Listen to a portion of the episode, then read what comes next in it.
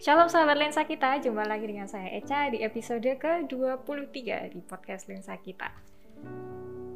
Di episode kali ini kita akan membahas sebuah tema yang mungkin uh, ini terlalu umum gitu ya, mungkin kalau kita pikir apa sih soal ini gitu. Tapi ternyata kalau kita gali lebih dalam lagi, tema ini tuh ada di dalam kehidupan kita sehari-hari dan itu melekat di dalam diri kita terutama dan bahkan menjadi salah satu uh, ciri atau kepribadian atau uh, karakter seseorang itu yang sangat kuat itu yang yang mengakar di dalam diri mereka yaitu adalah tentang disiplin diri. Nah, ada di studio kita saat ini ini sosok yang sudah kita tunggu-tunggu untuk uh, berkolaborasi bersama di podcast lensa kita gitu ya. Mari kita sambut ini dia Ibu Pendeta Rotua Nurhayati Sinangga. Shalom De Eca, shalom juga sahabat lensa kita akhirnya ya Kak Arif iya setelah sekian lama. Kita juga ini kapan ini Kak Arif bisa diundang? Gitu. Sibuk banget itu kayaknya. Menyibukkan diri kali ya.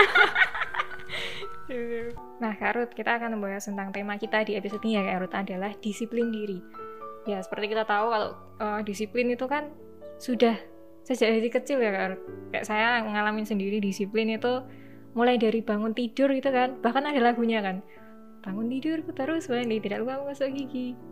Habis mandi ku tolong ibu, ibu. Membersihkan, membersihkan tempat tidur kan berarti ya, sejak kecil dia kita diajarin untuk disiplin. Bangun tidur mandi sikat gigi habis itu beres-beres tempat tidur. Nah bahkan sampai sekarang udah dewasa. Bahkan Kak Arut juga sudah berkeluarga gitu ya Arut itu pasti disiplin diri itu benar-benar harus melekat kuat di dalam diri kita gitu. Menurut Kak Arut disiplin diri itu seperti apa sih seperti apa? Seberapa pentingnya gitu Iya, kalau kita berbicara tentang disiplin diri, itu artinya memang uh, kita itu bersedia untuk belajar, ada kemauan untuk latihan, dan tentunya di sana disertai dengan komitmen dan konsisten. Hmm. Karena disiplin diri itu merupakan kesadaran dari diri kita sendiri untuk melakukan sesuatu dengan tertib dan teratur dengan baik dan benar dan juga dengan penuh tanggung jawab dan tanpa paksaan. Hmm. Ikhlas ya. Iya, harus memang dari kesadaran diri hmm. sendiri karena kalau dengan paksaan maka itu akan menjadi beban. Hmm. Bukan sesuatu yang menyukakan. Begitu deh, Cak. Jadi kalau misalnya uh, tidak ada dorongan dari diri sendiri itu ya udah akhirnya malas-malasan. Akhirnya ya udahlah hidupku ya gini-gini aja mengalir aja gitu. Nggak mau tertib istilahnya gitu. Ya betul sekali. Dan nanti dia tidak ada uh, kemauan untuk bisa memperbaiki diri menjadi pribadi yang lebih baik lagi hmm. tentunya. Setuju. Karena saya juga ngalamin gitu kan tapi kadang masih tergoda untuk tidak disiplin kan? Oh ya jelas. Itu itu yang berat itu kalau misalnya harus mau apa ya belajar untuk disiplin gitu ya. Mm -hmm. karena itu sampai sekarang tuh masih gitu loh iya. kita belajar disiplin kan dari kecil tuh tadi kayak saya omong di awal tapi sampai sekarang pun bahkan ketika umur kita udah dewasa gitu kan usia dewasa ternyata disiplin itu juga masih susah kita lakukan gitu iya. nah Karut kan apalagi nih Karut uh, eh, adalah seorang pendeta gitu kan yeah. apalagi gembala jemaat nih yang menggembalakan jemaat-jemaat mm. di sebuah gereja gitu apa sih Kak Ruth uh, pengalaman yang bisa Kak, Kak Ruth sharingkan gitu loh. Mengapa kok disiplin di diri itu sangat penting banget gitu? Terutama dari sisi uh, sebagai seorang hamba Tuhan gitu kan. Ya sebelum saya berbicara tentang bagaimana pentingnya disiplin diri itu bagi kita uh, saya akan memberikan penjelasan dulu karena ini nanti akan menolong uh, uh, betapa pentingnya disiplin diri itu jadi disiplin itu memang sangat penting bagi diri kita, terutama kita yang memiliki peran ganda. Hmm. Peran ganda itu dalam arti satu sisi kita berperan sebagai seorang ibu rumah tangga dan di sisi lain kita seorang pekerja hmm. atau katakanlah saya sebagai seorang gembala jemaat atau mungkin punya peran yang lain seperti itu.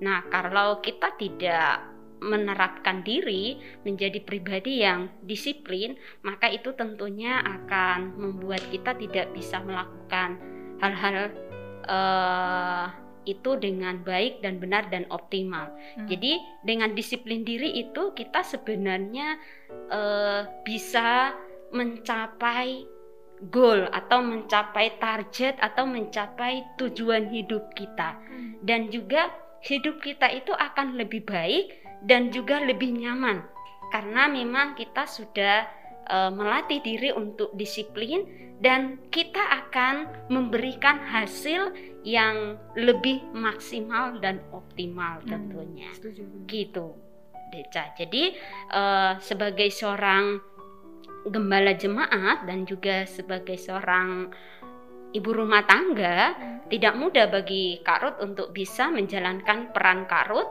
dengan baik eh, karena mau tidak mau Karut harus menjalankan peran itu dengan seimbang Hmm. dengan baik dan benar dan tentunya dengan penuh sukacita. Jadi memang kalau berbicara tentang pengalaman sangat banyak sekali pengalaman. Hmm.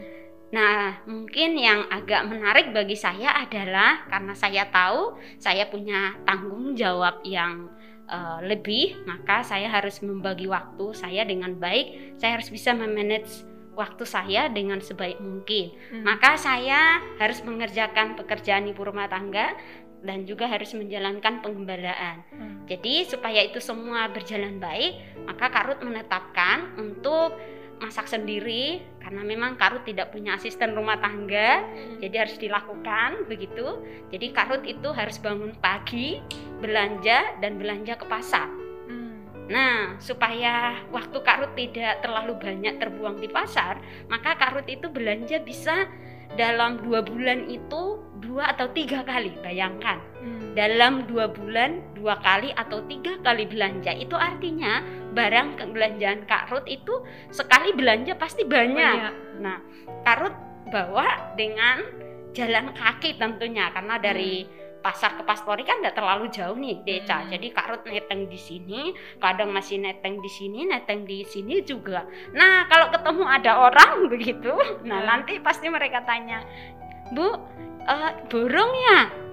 Terus ada pesta kah di rumah gitu ya? Jadi Karut cuma bilang, enggak, ini cuma stok saja. Nah pertama-tama Karut rasanya agak malu, tapi lama-lama ya Karut sadar lagi, iya ya kan saya punya eh, punya maksud mengapa Hmm. demikian, maka sampai sekarang Karut tetap menjalani itu, enggak apa-apa. Dengan gitu Karut menghemat waktu, Karut bisa masak, Karut bisa menjalankan tugas yang lain, keluarga tidak terabaikan tentunya begitu Hmm. Deca. Karena alasannya itu ya, karena Iya. ada double job gitu ya. Ah, ah, istilahnya double jawabnya peran ya, double peran gitu. Jadi mau tidak mau harus punya strategi Hmm. Supaya semuanya seimbang. Hmm. Kalau tidak seimbang, ini nanti yang menjadi dilema.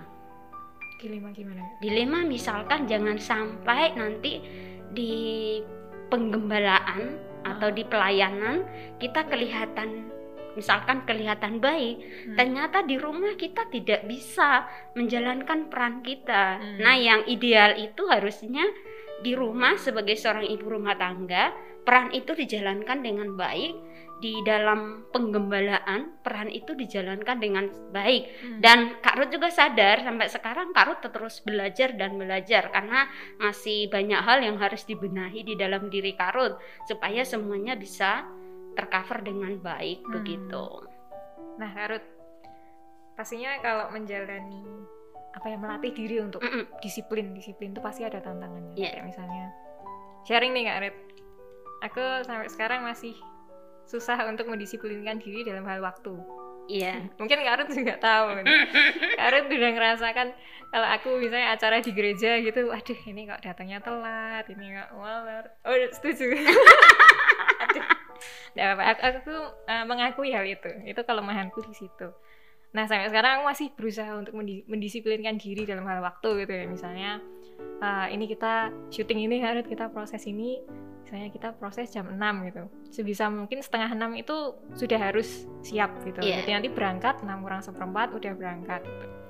Tapi ya mungkin kenyataannya juga 6 kurang 5 baru sampai gitu ya. Iya. Atau jam 6 tepat baru sampai. Tapi ya emang itu tantangannya Mm-mm. toh juga aku sampainya jam 6 gitu jam 6 sudah sampai siap gitu nah itu salah satu tantangan yang aku rasakan kan struggle-nya itu Iya. struggle-nya is real gitu nah kalau dari Kak Arut nih apalagi Kak Arut ada dua dua tanggung jawab dua peran yang harus Kak Arut jalan Kak, Kak Arut jalani gitu tantangannya apa aja? Iya, memang untuk eh, mendisiplin diri itu pasti tantangannya banyak. Hmm. Apalagi ketika kita berkomitmen untuk disiplin, itu tantangannya semakin banyak, gitu ya. Nah, tantangannya itu sebenarnya bisa kita kelompokkan dalam dua kelompok. Hmm. Yang pertama itu kelompok internal, yaitu dari diri sendiri. Nah, dari diri sendiri ini eh, seperti misalkan kita merasa terlalu capek, Hmm. kita merasa terlalu berat tanggung jawab kita, mungkin kita juga jenuh, bosan, atau mungkin kita memang malas, gitu ya. Jadi malas sehingga ah ngapain sih ini, gitu ya. Hmm. Jadi kita seolah-olah membela diri ketika kita tidak melakukannya sebagaimana mestinya yang sudah kita rancangkan dari awal Hmm. gitu ya. Dan yang kedua adalah tantangannya uh, secara eksternal itu di luar diri kita. Mungkin uh, kita bisa melihat orang lain. Hmm. Jadi orang lain itu kok dia kayaknya hidupnya lebih santai gitu ya Hmm. Dia bangunnya siang atau dia tidak melakukan eh, ini dan itu seperti ketatnya saya melakukannya dia kok baik-baik saja begitu ya. Atau mungkin kita bisa melihat kok dia bebas ke sana kemari. Hmm. atau mungkin orang yang di sekitar kita mungkin kalau kita di dalam sebuah rumah mungkin kakak kita mungkin adik kita kok dia bisa santai? Aku tidak gitu kan. Nah itu bisa juga membuat kita eh, lalai di dalam melakukan tanggung jawab kita atau mendisiplin diri sendiri atau mungkin bisa juga eh, apa namanya kita tergoda dengan acara televisi mungkin gitu atau mungkin bisa juga dengan hal-hal yang lain seperti itu sehingga tantangan itu sebenarnya kita bisa petakan. Nah, kalau pengalaman Kak Ruth sih ketika kita sudah tahu tantangan kita di mana, maka cara mengatasinya mungkin satu dengan yang lain berbeda. Tetapi Kak Ruth itu cara cara mengatasinya, Kak Ruth mencoba menenangkan diri. Nah, Kak Ruth tahu dulu Kak Ruth itu di mana nih yang lemah disiplin dirinya Hmm. gitu kan. Nah, Kak Ruth setelah itu mene- menenangkan diri, istirahat sejenak. Nah, kalau memang butuh apa namanya eh, refreshing mungkin tidak apa-apa kita refreshing begitu dan mungkin kita tidak perlu memaksakan diri Hmm. Tidak perlu memaksakan diri dan satu hal yang sangat penting adalah ingat tujuan. Jadi kembali ingat tujuan awal itu apa? Hal itu akan membuat kita kembali semangat. Apalagi kalau kita berbicara secara pengikut Kristus, kita akan ingat, oh iya, ini saya lakukan untuk Tuhan. Itu akan menolong kita untuk bisa semangat lagi. Begitu, Dek Eca yang eh, Karut lakukan ketika ada tantangan baik pun itu secara internal maupun eksternal begitu. Berarti poinnya tuh tujuannya, Iya, jadi kita harus mengerti fokusnya. tujuan kita itu apa gitu. Kalau mau memang mencapai tujuan itu mau tidak mau kita harus kembali menjalankan disiplin yang sudah kita tetapkan gitu. Hmm. Kalau misalnya eh, dari sisi internal Kak Ruth, Mm-mm. gimana sih cara mengatasinya? Kayak misalnya eh, malas itu loh. Malas. Nah, memang untuk malas ini eh, kadang eh, menjadi alasan yang mujarab gitu ya. Rasa-rasanya kalau kita sudah bilang malas gitu, nggak ada lagi untuk apa namanya Alasan lain. alasan lain gitu. Tapi sebenarnya ketika kita kembali ya eh, Kak Ruth sih selalu kembali kepada tujuan. Misalkan Hmm. dulu ketika Kak Ruth masih kuliah begitu atau mungkin sampai sekarang Kak Ruth harus bangun pagi gitu. Hmm. Nah Kak Ruth harus bangun pagi, tapi kadang kan ketika jam 6, jam 7 itu rasa-rasanya jam 5 gitu ya, itu enak-enaknya tidur gitu ya. Nah ini gimana supaya kita bisa apa namanya bangun pada jam itu maka karut itu karena ingat tujuannya karut apa karut untuk pertama pasang alarm gitu itu nanti dia akan bunyi dan karut akan usahakan bangun begitu karut akan usahakan bangun. Lama-lama lama-lama akhirnya itu terbiasa. Bahkan sampai sekarang itu ada namanya alarm di bawah sadar kita Ah, ya jadi ah. jadi karut nak pasang alarm gitu karut jam itu nanti pasti terbangun. Hmm.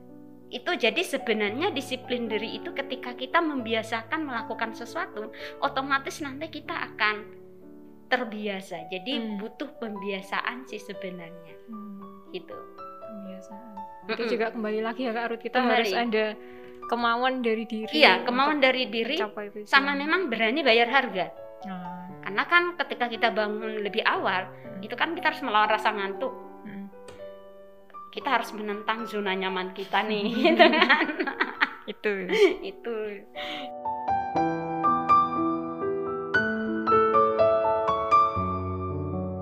Kita mendasari episode ke-23 ini dari Lukas pasal 16 ayat 10. Eh, saya bacakan. Barang siapa setia dalam perkara-perkara kecil, ia setia juga dalam perkara-perkara besar. Dan barang siapa tidak benar dalam perkara-perkara kecil, ia tidak benar juga dalam perkara-perkara besar. Nah, seperti apa tanggapan dari Kak Ruth dengan ayat tersebut, Kak? ya bisa dibahasakan juga dengan demikian Mm-mm. dan kalau kita membaca ayat ini sebenarnya sangat menarik karena lewat ayat ini kita mengerti bahwa disiplin itu merupakan karakter dari orang percaya juga Hmm. gitu. Jadi jika kita membaca Alkitab ini kita bisa menyimpulkan satu kata terkait dengan disiplin itu menurut Alkitab adalah ketaatan. Hmm. Jadi ketaatan itu artinya setiap kita orang percaya harus melakukan tanggung jawab kita Hmm. dengan sebaik-baiknya sebagaimana yang Tuhan kehendaki. Jadi menurut Kak Ruth dari ayat ini kita bisa melihat bahwa disiplin itu dimulai dari diri sendiri. Hmm. Jadi kita harus berkomitmen secara pribadi dan melakukan hal-hal yang kecil. Mengapa dikatakan melakukan hal-hal yang kecil? Karena sesungguhnya manusia itu cenderung terfokus kepada hal yang besar dan tertarik kepada hal-hal yang besar. Karena menurut kita hal-hal yang besar itu membuat kita mungkin lebih lebih bisa dihargai, mungkin lebih punya nilai, mungkin lebih terkenal seperti itu. Sehingga kadang kita mengabaikan hal-hal yang kecil.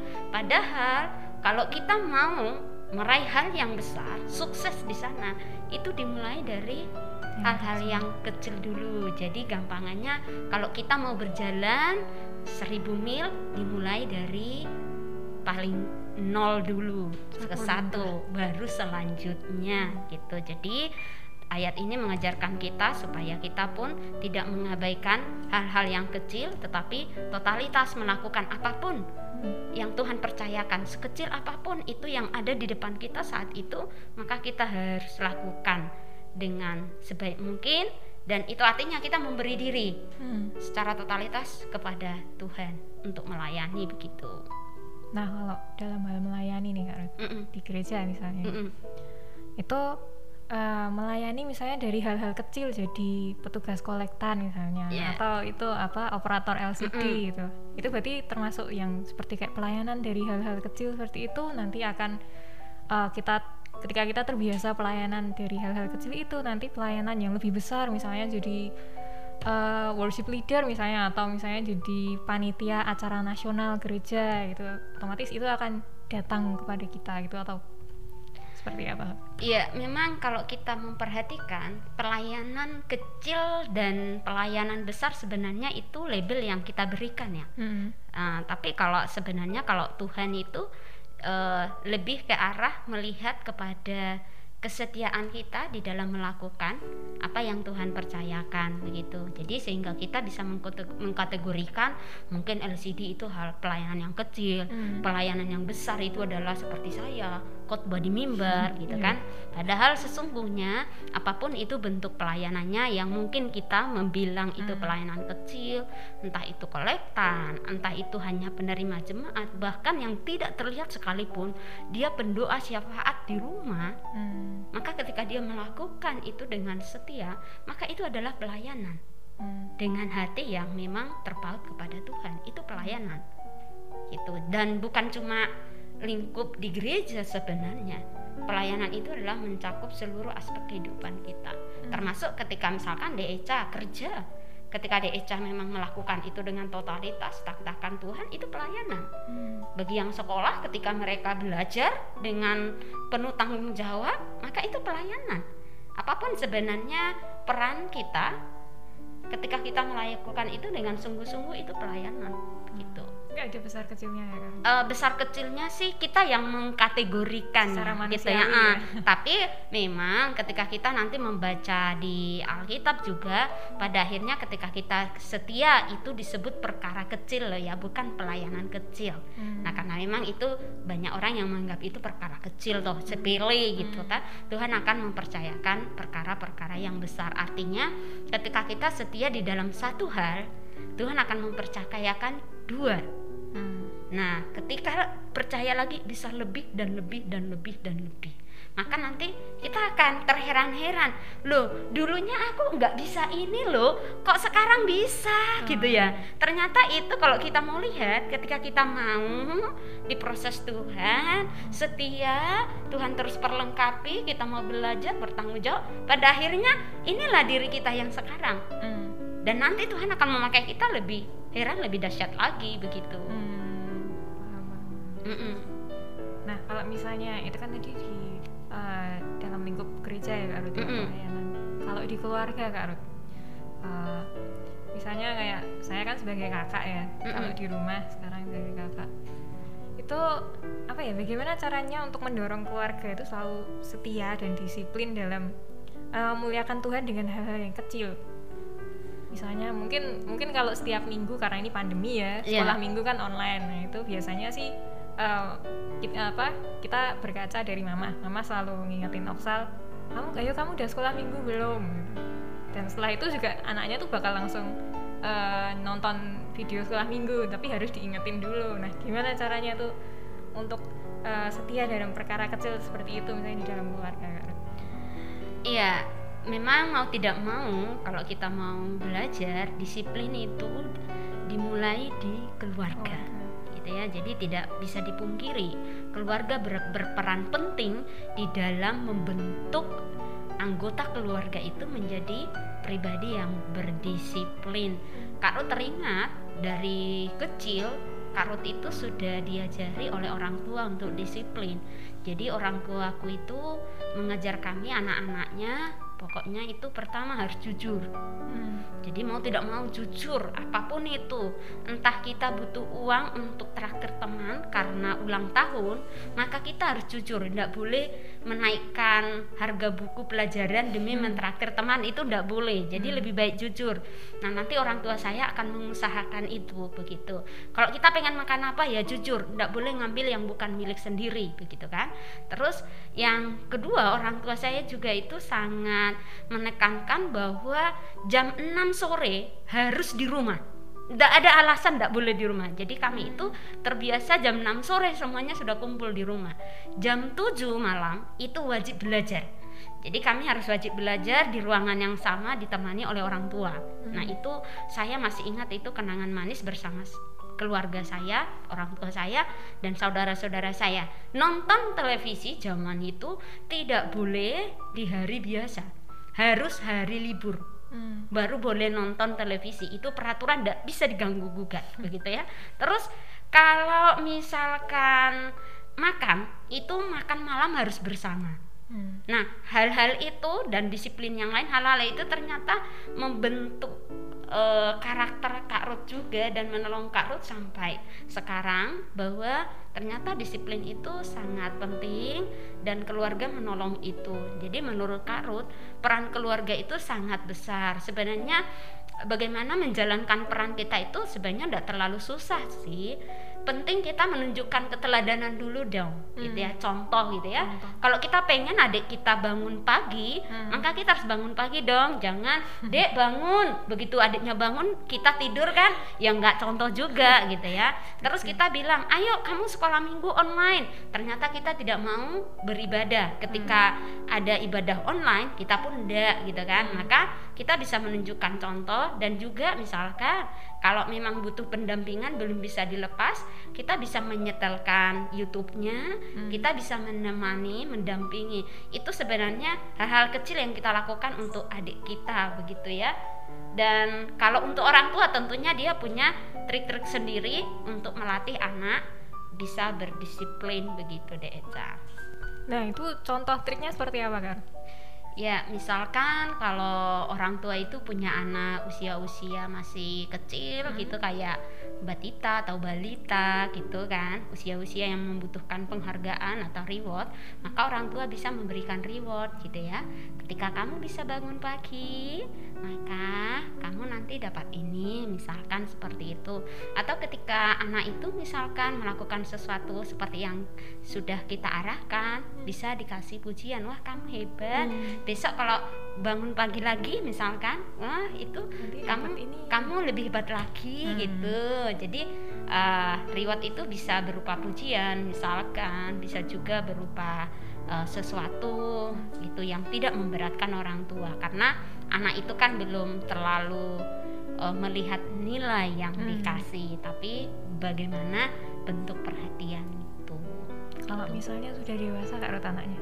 Kalau anak itu sudah dewasa maka orang tua mungkin bisa melakukan uh, itu ya berbicara dari hati ke hati hmm. karena kita tidak bisa memperlakukan dia lagi seperti waktu dia masih anak-anak hmm. gitu ya atau masih remaja kita harus bisa lebih bertukar pikiran hmm. kenapa dia seperti itu mungkin ada hal-hal tertentu yang menyebabkan dia bertindak seperti yang tidak seharusnya begitu sih hmm. keterbukaan itu juga ya ada keterbukaan sama komunikasi, komunikasi. Mm -mm.